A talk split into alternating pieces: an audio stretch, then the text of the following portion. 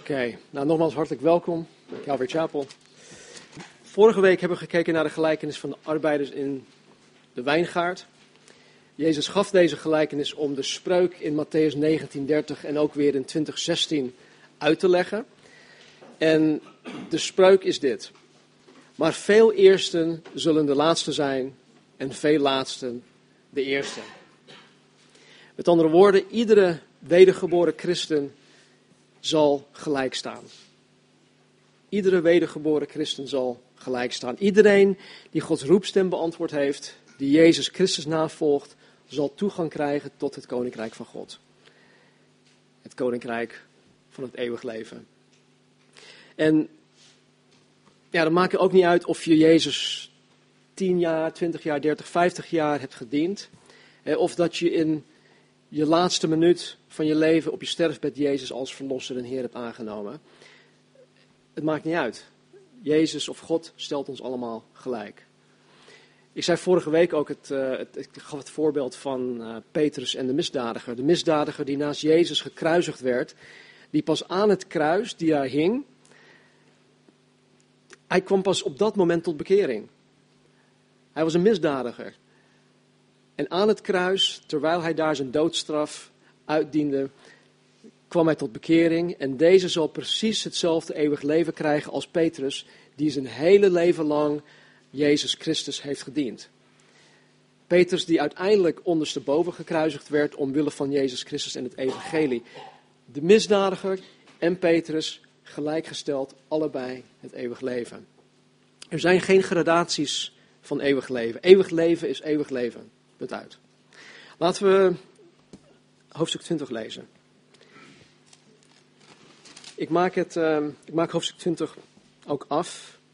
Op aantal dingen ga ik niet al te diep op in. Vandaar dat we het ook afmaken. uh, even kijken. Nou, vanaf vers 30 van 19, hoofdstuk 19. Maar veel eersten zullen de laatste zijn, veel laatsten de eerste. Want het koninkrijk der hemelen is als een heer des huizes die s'morgens vroeg erop uitging om arbeiders voor zijn wijngaard in te huren. Nadat hij het met de arbeiders eens was geworden voor een penning per dag, zond hij hen zijn wijngaard in. En toen hij omstreeks het derde uur erop uitging, zag hij andere werklozen op de markt staan. Ook tegen hen zei hij: Gaat u ook naar de wijngaard, en ik zal u geven wat rechtvaardig is. En zij gingen. Toen hij nogmaals erop uitgegaan was, omstreeks het zesde en het negende uur, deed hij hetzelfde. En toen hij omstreeks het elfde uur erop uitging, vond hij weer anderen werkloos staan. En hij zei tegen hen: Waarom staat u hier heel de dag werkloos? En ze zeiden tegen hem: Omdat niemand ons ingehuurd heeft. Hij zei tegen hem: Gaat u ook naar de wijngaard en u zult ontvangen wat billig is. Toen het avond geworden was, zei de heer van de wijngaard tegen zijn rentmeester: Roep de arbeiders en geef hun het loon, te beginnen bij de laatste tot de eerste. En toen ze kwamen die omstreeks het elfde uur ingehuurd waren, ontvingen zij ieder een penning. En toen de eersten kwamen, dachten zij dat zij meer ontvangen zouden, maar ook zij ontvingen ieder een penning.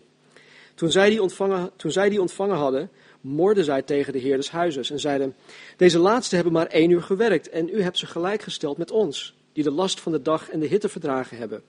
Maar hij antwoordde en zei tegen een van hen, vriend, ik doe, ik doe u geen onrecht. Bent u het niet met mij eens geworden over een penning? Neem wat van u is en vertrek. Ik wil aan hem die het laatst kwam hetzelfde geven als aan u. Of is het mij niet geoorloofd met het mijne te doen wat ik wil? Of bent u afgunstig omdat ik goed ben? Zo zullen de laatste de eerste zijn en de eersten de laatste. Want velen zijn geroepen, maar weinigen uitverkoren. Toen Jezus naar Jeruzalem ging, nam hij de twaalf discipelen onderweg apart bij zich en zei tegen hen: Zie, we gaan naar Jeruzalem en de zoon des mensen zal aan de overpriesters en schriftgeleerden overgeleverd worden. En ze zullen hem ter dood veroordelen. En ze zullen hem aan de heidenen overleveren om hem te bespotten en te gezelen en te kruisigen. Maar op de derde dag zal hij opgewekt worden. Toen kwam de moeder van de zoon van Zebedeus met haar zonen naar, naar Jezus toe. Ze knielde voor hem neer om hem iets te vragen. Hij zei tegen haar, wat wilt u? Ze zei tegen hem: Zeg dat deze twee zonen van mij, van mij mogen zitten, de ene aan uw rechter en de ander aan uw linkerhand in uw koninkrijk. Maar Jezus antwoordde en zei: U weet niet wat u vraagt. Kunt u de drinkbeker drinken? Kunt u de drinkbeker drinken die ik drinken zal? En met de doop gedoopt worden waarmee ik gedoopt word? Ze zeiden tegen hem: Ja, dat kunnen wij. En hij zei tegen hen, mijn drinkbeker zult u wel drinken, en met de doop waarmee ik gedoopt word, zult u gedoopt worden. Maar het zitten aan mijn rechter en aan mijn linkerhand is niet aan mij om te geven. Maar het zal gegeven worden aan hen voor wie het bestemd is, door mijn vader. En toen de andere tien dit hoorden, namen zij het de twee broers zeer kwalijk. En toen, ze Jezus, of, en toen Jezus bij hen en toen Jezus hen bij zich geroepen had, zei hij: U weet dat de leiders de volkenheerschappij over hen voeren en de grote gezag over hen uitoefenen. Maar zo zal het onder u niet zijn. Maar wie onder u groot wil worden, die moet uw dienaar zijn. En wie onder u de eerste wil zijn, die moet uw slaaf zijn. Zoals ook de zoon des mensen niet gekomen is om gediend te worden, maar om te dienen en zijn ziel te geven tot een losprijs voor velen. En toen zij Jericho uitgingen, volgde een grote menigte hem. En zie, twee blinden die aan de weg zaten, riepen, toen zij hoorden dat Jezus voorbij ging, Heere, zoon van David, ontferm u over ons. De menigte bestrafte hen, opdat zij zouden zwijgen. Maar zij riepen des te meer, ontferm u over ons, Heere, zoon van David. En Jezus stond stil, riep hen en zei, wat wilt u dat ik voor u doen zal? Ze zeiden tegen hem, Heere, dat onze ogen geopend worden. En Jezus, die innerlijk met ontferming bewogen was, raakte hun ogen aan. En meteen werden hun ogen ziende. En zij volgden hem. Tot zover. Nou, even teruggaand. Ik geloof dat, deze, of dat Jezus deze, deze spreuk en deze gelijkenis gegeven had om zijn twaalf discipelen een belangrijke les te leren met betrekking tot hoe zij zichzelf zien en hoe zij anderen in het koninkrijk van God zien. Terug naar hoofdstuk 19. Net voordat Jezus de gelijkenis gaf, zei Petrus in hoofdstuk 19, vers 27 dit. Hij zegt, zie Jezus, of zie hier, wij hebben alles verlaten en zijn u gevolgd. Wat zal dan ons deel zijn? Petrus en het team van de discipelen, die waren continu bezig met de gedachte van de oprichting van het koninkrijk hier op aarde. Dat hield hen zo bezig. Zelfs nadat Jezus hen herhaaldelijk had verteld dat het koninkrijk pas later gevestigd zou worden, bleven zij vragen wanneer het koninkrijk gevestigd zou worden. Zij bleven daarop terugkomen. In handelingen, na de kruisiging, na de opstanding uit de dood, na de veertig dagen dat Jezus hier op aarde rondliep, net voordat Jezus opvoer en met de hemelvaart, beloofde Jezus zijn discipelen dat zij binnenkort gedoopt zouden worden met de Heilige Geest waardoor zij kracht zouden ontvangen om een getuige van Jezus te zijn. Een geweldige belofte. En het eerste dat zij dan aan Jezus vroegen was dit. Heren, zult u in deze tijd voor Israël het koninkrijk weer herstellen? En ze waren zo gefocust op, die, op, die, op het koninkrijk. Zij, zij staarden zich blind op, op de vestiging van het koninkrijk hier op aarde. En omdat zij zich daarop blind staarden, ehm, sloten zij zichzelf af voor wat Jezus hen duidelijk probeerde te maken. En weet je, dat is ook een valkuil voor ons. Heel vaak staren wij ons blind op dingen in ons eigen leven, waardoor Jezus, waardoor God, waardoor de Heilige Geest geen, niet kan doordringen tot ons. En dan lijkt het wel alsof wij, ja, mijn moeder of mijn vader zei altijd, ja, je hebt zo'n plaat voor je kop. En dan lijkt het wel alsof we inderdaad zo'n plaat voor ons hoofd hebben, want het komt er niet doorheen omdat zij hier continu mee bezig waren, waren ze ook continu bezig met de gedachte van wie van hen de belangrijkste in het koninkrijk zou zijn. In Marcus 9 staat dit, vers 33 en 34. Jezus kwam in Capernaum en toen hij thuisgekomen was, vroeg hij, zijn, vroeg hij aan hun, dus aan de discipelen, waarover had u het met elkaar onderweg? Maar de discipelen zwegen want zij hadden onderweg een woordenwisseling met elkaar gehad over wie de belangrijkste was. En dan zelfs tijdens de instelling van het heilige avondmaal ruzieden zij hierover. In Lucas 22 staat dit, vers 24. Er ontstond ook oneenigheid onder hen, dus onder de discipelen, over wie van hen geacht werd de belangrijkste te zijn. Dit is tijdens, het paasmaal, tijdens de paasmaaltijd. Tijdens het moment dat Jezus het heilige avondmaal instelde, zitten, nog, zitten ze nog steeds te ruzieën over wie van hen de belangrijkste zal zijn. En dan ook teruggaand naar ons, het hoofdstuk in Matthäus, uh, of ja, Matthäus hoofdstuk 20. Vanaf vers 20 staat dit. Toen kwam de moeder van de zoon van Zebedeus met haar zonen naar hem toe. En ze knielde voor hem neer om hem iets te vragen. Hij zei, hij zei tegen haar, wat wilt u? Ze zei tegen hem, zeg dat deze twee zonen van mij mogen zitten, de een aan uw rechter en de ander aan uw linkerhand in uw koninkrijk. Maar Jezus antwoordde en zei, u weet niet wat u vraagt. Kunt u de drinkbeker drinken die ik drinken zal en met de doop gedoopt worden waarmee ik gedoopt word? En ze zeiden tegen hem, ja, dat kunnen wij. En hij zei tegen hen, mijn drinkbeker zult u wel drinken, met de doop waarmee ik gedoopt word, zult u gedoopt worden. Maar het zitten aan mijn rechter en aan mijn linkerhand is niet aan mij om te geven, maar het zal gegeven worden aan hen voor wie het bestemd is door mijn vader. En toen de andere tien dit hoorden, namen zij het, de twee broers, zeer kwalijk. Dus niet alleen waren de discipelen hiermee bezig, zelfs de moeder van Jacobus en Johannes bemoeide zich hiermee. En ja, weet je, het is, het is één ding om zelf iets te willen. Het is een heel ander verhaal als, als je, je mammy uh, voor je in de bres staat en, en, en gaat, oh, alsjeblieft, mijn zoons, die zijn zo lief en die willen, die willen graag naast je zitten. Het, kan heel goed zijn dat, dat na, wat, nadat wat Jezus in Matthäus 19 had gezegd, hè, dat zij zullen regeren samen met Jezus, dat zij een beeld hadden van uh, de troon van Jezus in het midden en aan weerskanten zes tronen. En ik denk dat Johannes en Jacobus per se direct naast Jezus wilden zitten. Eén aan zijn rechterhand, één aan zijn linkerhand. En de reden waarom de tien het, het hen kwalijk namen, denk ik, was niet zozeer omdat zij zo integer waren en, en, dachten van, oh, wat zijn jullie slechterikken, wij zijn allemaal zo goed. Nee, ik denk dat zij eerder gepikeerd waren omdat zij zelf niet de eerste waren die het aan Jezus hadden gevraagd.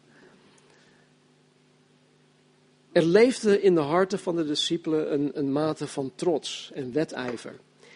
En tot zoveel malen toe tracht Jezus dit bij hen eruit te krijgen. En zo ook hier weer in deze gelijkenis. Jezus wil hiermee hun trots en hun wedijver aan de kaak stellen. Zie, we hebben alles verlaten en zijn u gevolgd. Wat zal dan ons deel zijn? Petrus en de elf andere discipelen waren er vanaf het begin. En zij waren als het ware de eerste ploeg die om zes uur ochtends begon. Zij hadden het hardst gewerkt. Zij hadden het langst gewerkt. En dit maakte hen trots. Dit maakte dat zij het idee hadden gekregen dat zij recht hadden op meer dan alle anderen die na hen zouden komen. Blinden, zoals we de twee blinden hadden gezien in dit verhaal. Blinden waren het uitschot van de maatschappij. Ze konden zelf helemaal niets. Ze waren volkomen afhankelijk van anderen. En ze zaten alleen maar langs de weg of aan, aan de poort van de, van, de, uh, van de stad te bedelen. Dat is eigenlijk alles wat zij konden doen, is bedelen. En in het laatste gedeelte van dit stuk zien wij dat twee blinden riepen: Heere, zoon van David, ontferm u over ons. Zij noemden Jezus zoon van David en ze zagen in Jezus dat hij de Messias was. En nadat Jezus hen ziende gemaakt had, staat er in vers 34, en zij volgden hem. Zij kwamen tot geloof. En zij volgden Jezus. Nou, ik, ik kan me voorstellen dat de twaalf discipelen zoiets hadden van, jullie tweeën, jullie komen pas kijken. Ze hebben net een gezicht gekregen, ze komen kijken. jullie tweeën, jullie tweeën komen pas kijken. Wij zijn er al vanaf het begin. Hallo. Wij zijn meer belangrijk dan jullie. Dat had ik wel gedacht. Even terug naar de gelijkenis, vers 8. Sorry dat het een beetje rommelig is vandaag, maar ik, ik, ik zal het duidelijk maken. Toen het avond geworden was, zei de heer van de wijngaard tegen zijn rentmeester. Uh, even kijken, waar staat dat? Roep de arbeiders en geef hun het loon. Te beginnen bij de laatste tot de eerste. En toen zij kwamen die omstreeks het elfde uur ingehuurd waren, ontvingen zij ieder een penning. En toen de eerste kwamen, dachten zij dat zij meer ontvangen zouden, maar ook zij ontvingen ieder een penning. Toen zij die ontvangen hadden, moorden zij tegen de heer des huizes. En zij zeiden, deze laatste hebben maar één uur gewerkt, en u hebt ze gelijkgesteld met ons, die de last van de dag en de hitte verdragen hebben. Maar hij antwoordde en zei tegen een van hen, vriend, ik doe u geen onrecht. Bent u het niet met mij eens geworden over één penning? Neem wat van u is en vertrek. Ik wil aan hem die het laatst kwam hetzelfde geven als aan u. Of is het mij niet geoorloofd met het mijne te doen wat ik wil? Of bent u afgunstig omdat ik goed ben? Zo zullen de eersten de laatste zijn. Of zo zullen de laatste de eerste zijn en de eerste de laatste. Want velen zijn geroepen, maar weinigen uitverkoren.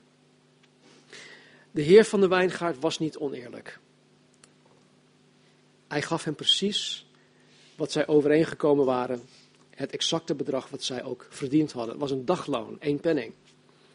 En het probleem waarmee deze eerste ploeg te kampen had, was niet dat zij te weinig gekregen hadden, want het was een eerlijk bedrag, maar dat de anderen in hun ogen veel te veel hadden gekregen. Ze hadden, ze hadden meer gekregen dan zij eigenlijk verdiend hadden. Ze hadden moeite met de, eh, het gunstbewijs van de heer van de wijngaard jegens degene die, die minder gedaan hadden, die minder gewerkt hadden. Zij vonden dat degenen die minder gewerkt hadden, minder zouden moeten krijgen. Afgunst. Het is geen kwestie van, van eerlijkheid of oneerlijkheid. Nee, het heeft gewoon met afgunst te maken. De eerste ploeg had de hele dag lopen zwoegen om een brood te verdienen. En de laatste ploeg had slechts één uurtje gewerkt. En om deze laatste ploeg, laten we even in hun ogen de klaplopers noemen. Om hun dan gelijk te stellen aan de hardwerkende ploeg. Ja, dat kon, dat kon er bij hen gewoon niet in. Dat vonden ze niet eerlijk. Nou, nog even de geestelijke parallel van de gelijkenis op een rijtje. En dit is allemaal nog ter introductie. In de gelijkenis vertegenwoordigt de Heer van de wijngaard God. De wijngaard vertegenwoordigt het koninkrijk van God. Koninkrijk van genade, waar God nu in de harten van mensen regeert. De arbeiders zijn wij. De gelovigen die Gods redding hebben aanvaard. Wij die wedergeboren zijn. De werkdag vertegenwoordigt een mensenleven hier op aarde. Van wedergeboorte tot aan hun dood. De avond vertegenwoordigt de eeuwigheid. En de loon, oftewel de penning, vertegenwoordigt het eeuwig leven. En volgens deze gelijkenis krijgen alle ware gelovigen dezelfde loon. Ze krijgen het eeuwig leven. En mensen, dat is al meer dan genoeg. Dat is echt het ultieme. We kunnen niet eens beseffen, we kunnen niet eens bevatten wat dat allemaal inhoudt. En het maakt niet uit of je bij de eerste ploeg hoort of de laatste ploeg. Het maakt niet uit of je je hele leven lang de Heer hebt gediend of dat je op je sterfbed in de laatste minuten van je leven hier op aarde de Heer hebt aanvaard. Zowel de eerste als de laatste zullen het eeuwig leven van God krijgen. Nu dit. Het is mens eigen om dingen in het leven niet eerlijk te vinden. Dat, dat zit er gewoon in. Jullie die kleintjes hebben of die kleintjes hebben gehad, die weten heel goed dat kinderen heel vaak zeggen: Ja, maar dat is niet eerlijk. Wij zeggen dat soms ook nog steeds. Ja, maar dat is niet eerlijk. Weet je, dus het zit erin. Het is, het is mens eigen om dingen in het leven niet eerlijk te vinden. Of het nu echt eerlijk of oneerlijk is of niet. Dat maakt niet uit. Het is een gevoel, het zit erin. Het, het, het, mens eigen. En om die reden is het belangrijk om onderscheid te maken tussen iets dat uit genade wordt ontvangen en beloning voor iets dat je inderdaad verdiend hebt. Ja? Iets dat je uit genade hebt ontvangen en iets dat je als beloning hebt gekregen voor iets dat je hebt verdiend. Nou, eerst dit. Ons heil. Onze redding. Toegang tot het koninkrijk van God. Het eeuwig leven. Ehm, de mogelijkheid om een persoonlijke relatie met God te hebben. Verzegeld te zijn door de Heilige Geest. Dit hebben wij als wedergeboren christenen van God cadeau gekregen. Hier, Stan, alsjeblieft, het is een cadeau. Dat heb ik gekregen. God is niet zoals Sinterklaas. Hij geeft ons deze dingen niet op basis van goed gedrag of op basis van verdiensten. Nee, cadeau. God geeft het puur en alleen op basis van zijn genade. God heeft er bewust voor gekozen om het aan jou en aan mij te geven. En dit staat helemaal los van wie ik als persoon ben. Het staat helemaal los van wie jullie als persoon zijn. In Efeze 2, vers 8 en 9 staat dit. Is prachtig stuk. Uit genade bent u zalig geworden, door het geloof. En dat niet uit u, het is de gave van God. Niet uit werken opdat niemand zou roemen. In het boek staat het zo vertaald. Door zijn genade bent u gered, doordat u in hem ging geloven. Dat is niet uw eigen verdienste, maar een geschenk van God. Niemand zal zich erop kunnen beroemen het zelf gepresteerd te hebben. Je slaat de plank dus volslagen mis wanneer je vindt dat het niet eerlijk is dat God zijn genade aan iemand schenkt waarvan jij van mening bent dat hij of zij het niet verdient. Want niemand verdient Gods genade. Ook wij niet. Gods genade is geen beloning. Je kunt nooit zeggen dat God jou meer genade schenkt eh, dan aan een ander omdat jij het zo goed doet. Vaak maken wij die denkfout dat juist omdat God ons zegent, denken wij, hé, hey, God zegent mij, ik, ik doe het vast heel goed. Nee, God zegent mij omdat God goed is. Daar zit, is een wereld van verschil tussen. Het is genade. En vaak zegent God mij ondanks dat ik het niet goed doe. Genade. Gods genade is simpelweg niet te verdienen. Weet je, anders was het geen genade. Trouwens, uh, krijgen jullie gratis mee. In het Engels uh, is een bonus, een, ja, een bonus krijg je. Die heb je wel verdiend. In het, in het Engels spreekt men van, van mercy and grace. misschien heb je dat wel eens in, in liederen zien, gezongen. Mercy and grace. Heb je daarmee ophouden? Nee.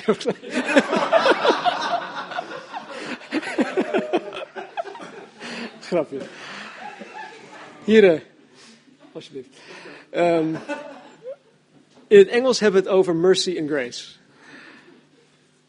Mercy in het Nederlands vertaald is barmhartigheid.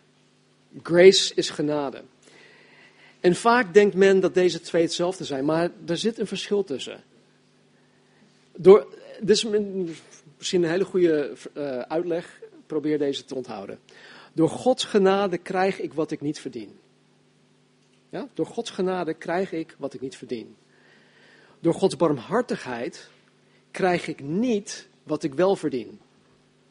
Door Gods barmhartigheid krijg ik niet wat ik wel verdien. Ja? Met andere woorden, door Gods genade krijg ik het eeuwig leven. Door Gods barmhartigheid krijg ik niet de eeuwige verdoemenis. Dat is het verschil.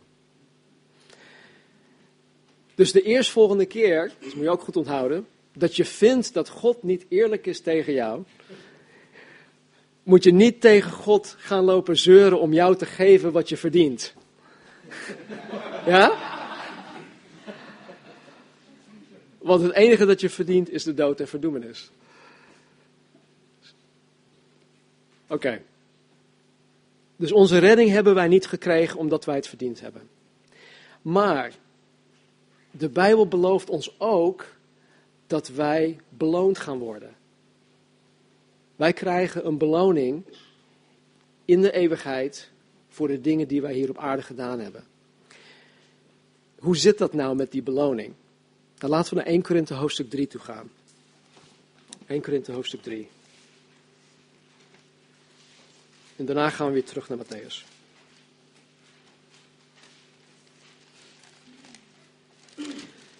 ...1 Korinthe 3 vanaf vers 5. Wie is Paulus dan? En wie is Apollos? Anders dan dienaren, door wie u tot geloof bent gekomen. En dat zoals de Heere aan ieder van hen gegeven heeft. Ik heb geplant, Apollos heeft begoten, maar God heeft laten groeien. Dus is dan nog hij die plant iets, nog hij die begiet, maar God die laat groeien. En hij die plant en hij die begiet zijn één. Maar ieder zal zijn eigen loon ontvangen overeenkomstig zijn eigen inspanning. Want Gods medearbeiders zijn wij, Gods akker en Gods bouwwerk bent u. Overeenkomstig de genade van God die mij gegeven is, heb ik als een wijs bouwmeester het fundament gelegd en een ander bouwt daarop. Ieder dient er echter op toe te zien hoe hij daarop bouwt.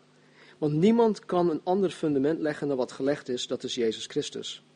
Of nu iemand op dit fundament bouwt met goud, zilver, edelstenen, hout, hooi of stro, ieders werk zal openbaar worden. De dag zal het namelijk duidelijk maken, omdat die in vuur verschijnt.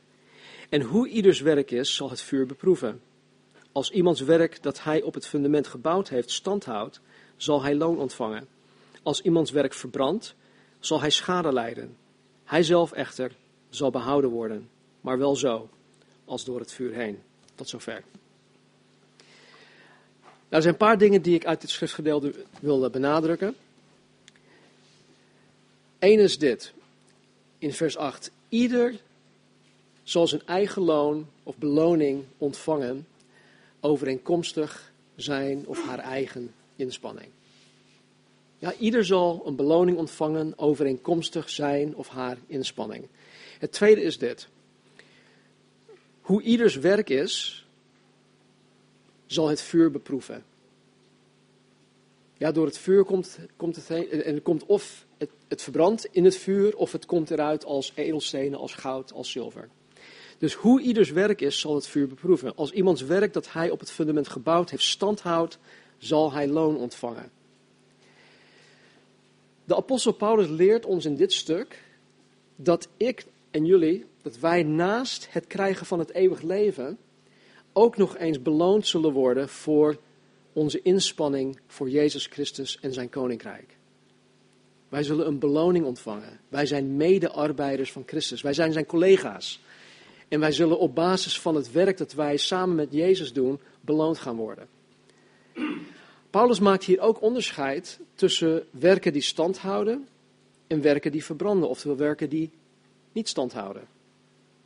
Het is dus mogelijk, het is mogelijk om, om allerlei dingen, tussen aanhalingstekens, voor Jezus Christus te doen, zonder dat, um, dat je deze werken in de Heer doet. dus het is mogelijk om dingen te doen tussen aanhalingstekens voor Jezus Christus, zonder dat deze in Jezus Christus gedaan worden. En deze werken hebben voor Jezus totaal geen waarde. Ze hebben geen waarde. Deze werken zullen uiteindelijk niet stand houden. Maar voor de werken, voor de dingen die ik in Christus doe, die wel stand houden, die ik in en door de Heilige Geest heb gedaan, daarvoor zal ik beloning krijgen. Daarvoor zullen jullie beloning krijgen. En op basis van wat Paulus in vers 8 zegt, namelijk dat ieder zijn eigen beloning zal ontvangen overeenkomstig zijn inspanning, zal de een meer beloning krijgen dan de ander. Snap je? Dus eeuwig leven, iedereen krijgt het eeuwig leven allemaal gelijkgesteld. Maar aan de hand van de dingen die wij doen hier op aarde, om het koninkrijk van God te bouwen, zal de een meer krijgen dan de ander op basis van zijn of haar inspanning. Dus wat deze werken betreft, denk ik dat er wel sprake is van verdiensten. Maar weet je, dit zullen wij pas zien wanneer wij de eeuwigheid in zullen stappen. Er wordt pas afgerekend wanneer wij voor Jezus Christus komen te staan. Het heeft dus totaal geen zin om het hier nu over te gaan hebben. Ik hou ook niet bij van, oh, ik heb dit voor de Heer gedaan. Ik denk dat ik dit in de geest heb gedaan, dus ik zal vast daarvoor wel iets krijgen. Nee. Weet je, het is beter om, om je gewoon te richten op het, het, het navolgen van Jezus. En als Jezus een deur voor je opent, dan ga je er doorheen. Als Jezus een, een gelegenheid geeft om Hem te dienen, dan doe je dat. En, en, weet je, Hij is eerlijk.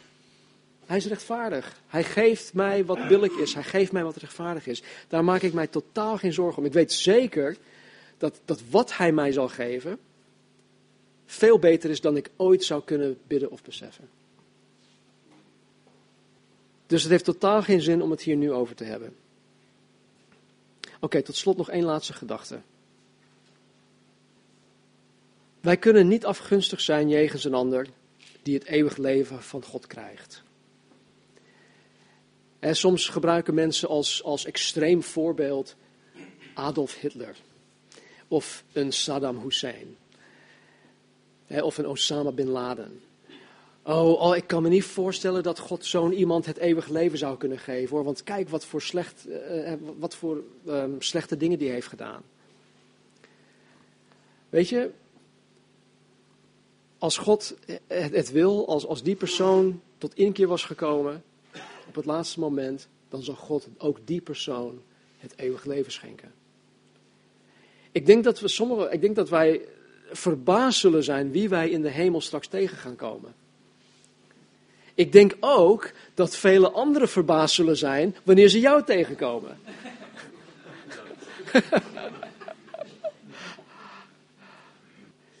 en dus wij kunnen niet afgunstig zijn jegens het ander die het eeuwige leven krijgt, omdat wij het zelf ook niet verdiend hebben. En omdat wij pas in de eeuwigheid onze beloning zullen ontvangen voor de werken die wij hier op aarde hebben gedaan, kunnen wij ook niet afgunstig zijn jegens een ander. Dat wordt straks afgerekend en daar hoeven we ons geen zorgen om te maken. Maar, en dit is waar het denk ik iets meer praktisch wordt en waar het ook persoonlijk wordt. Afgunst en jaloezie in de mens, die zijn altijd actief op zoek naar iets om afgunstig of jaloers over te zijn. Al wil je het zelf niet, er zit nou iets in de natuur van de mens waardoor de mens afgunstig is en jaloers kan zijn over dingen. En die zonde die nog in ons zit, die is continu actief op zoek naar iets om afgunstig of jaloers over te zijn.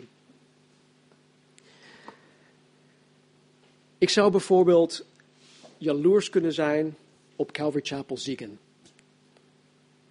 Nick Long of, of Alex Cruze. Waarom hebben zij, heren, heren, waarom hebben zij een eigen gebouw? En wij niet? Doe ik dan niet mijn best?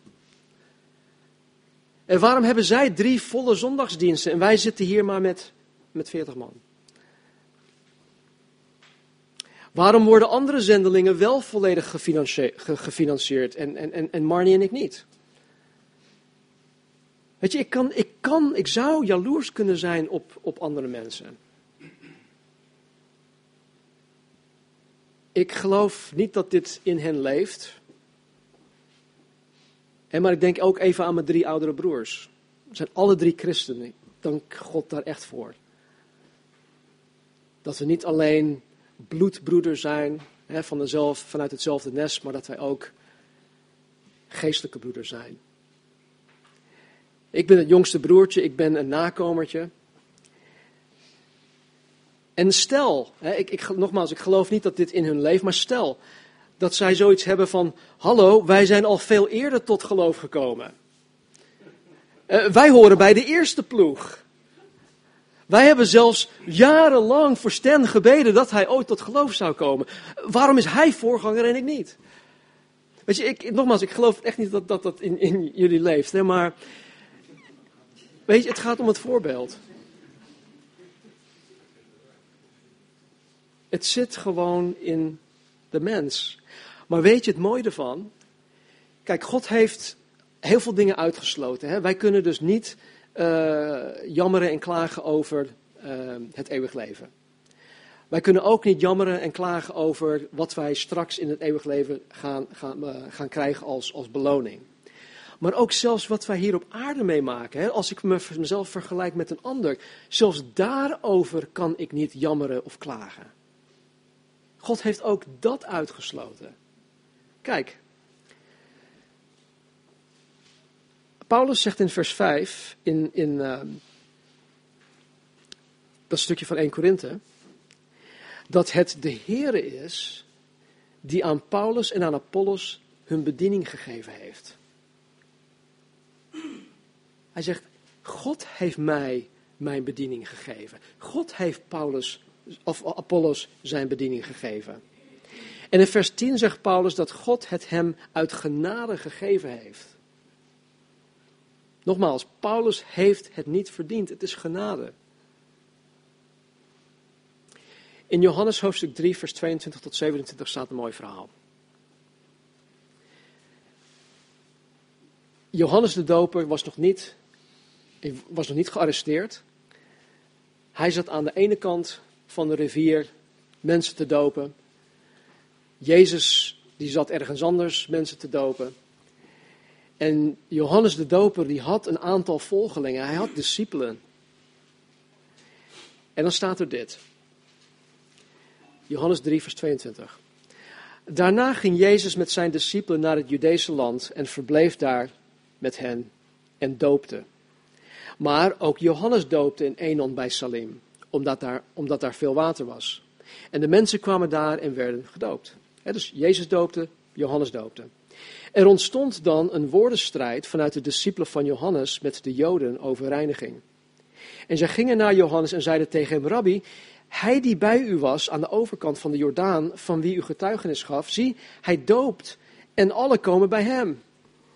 En ze gaan allemaal naar die kerk toe. Waarom komen ze niet bij onze kerk? En ze gingen dus naar, ze komen allemaal bij hem. En Johannes antwoordde en zei, en dit is zo, zo gaaf. Een mens kan niets aannemen als het hem niet uit de hemel gegeven is. In de NBV-vertaling staat het iets anders. Niemand kan zich ook maar iets toe-eigenen als God het hem niet heeft gegeven. Oh man, dit is zo bevrijdend. Ik hoef me nergens druk om te maken. Niet om jullie, niet om de andere kerk of niet om die. Helemaal nergens over. Ik ben vrij. Niemand kan zich ook maar iets toe-eigenen als God het hem niet heeft gegeven. Dus als ik een probleem heb van afgunst en jaloezie, dan heb ik een probleem met God. Dan is het echt mijn probleem. Ik heb mijn bediening uit genade van God mogen ontvangen. Echt hè, ik, ik heb hier niet om gevraagd.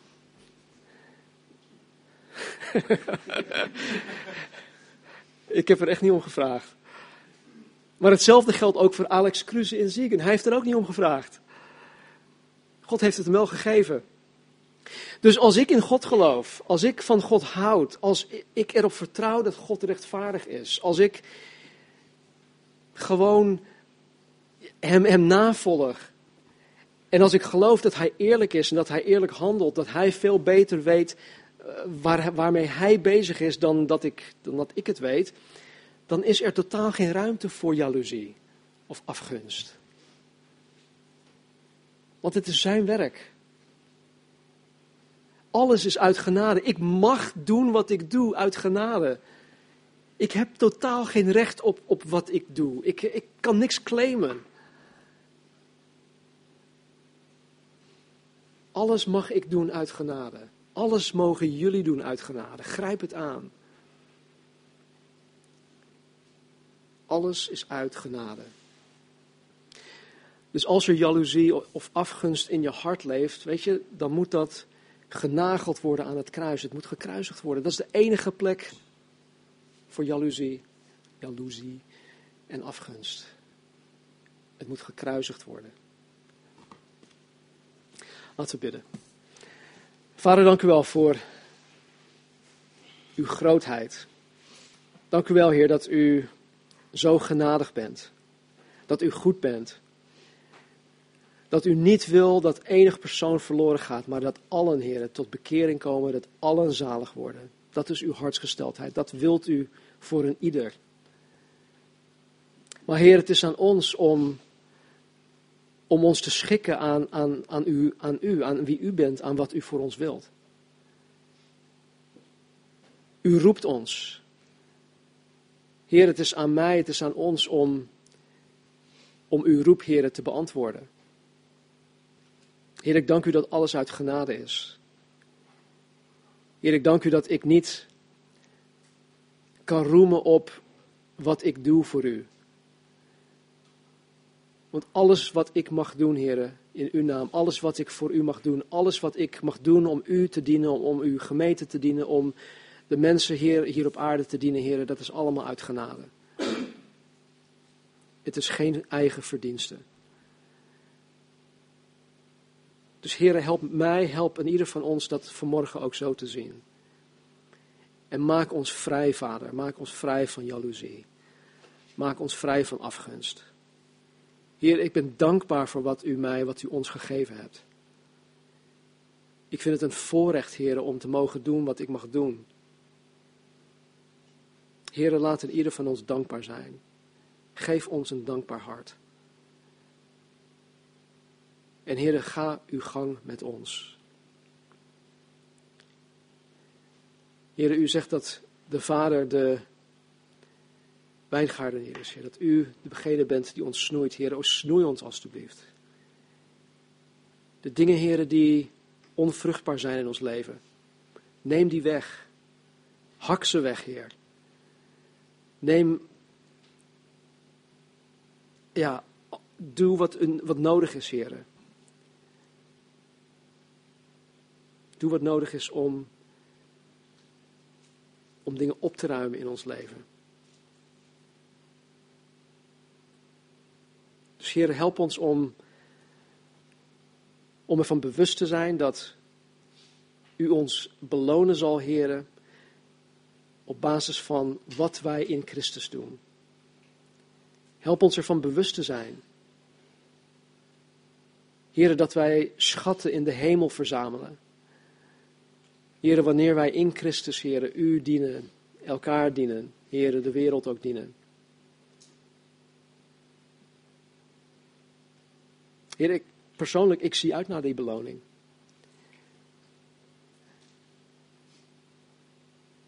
Maar tegelijkertijd, heren, weet ik dat, dat er vele heren zijn die voor mij geweest zijn, die veel meer gedaan hebben dan ik. Er zullen ook veel meer zijn, heren, die veel meer gedaan zullen hebben, die na mij zullen komen.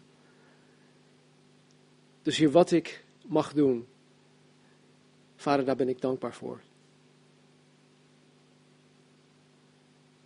Dank u, Heer, voor uw genade. Ik heb het niet verdiend. Geen van ons hebben het verdiend. Maar u geeft het omdat u goed bent. Dus heren, we staan op het punt, heren, om het nieuwe jaar in te gaan.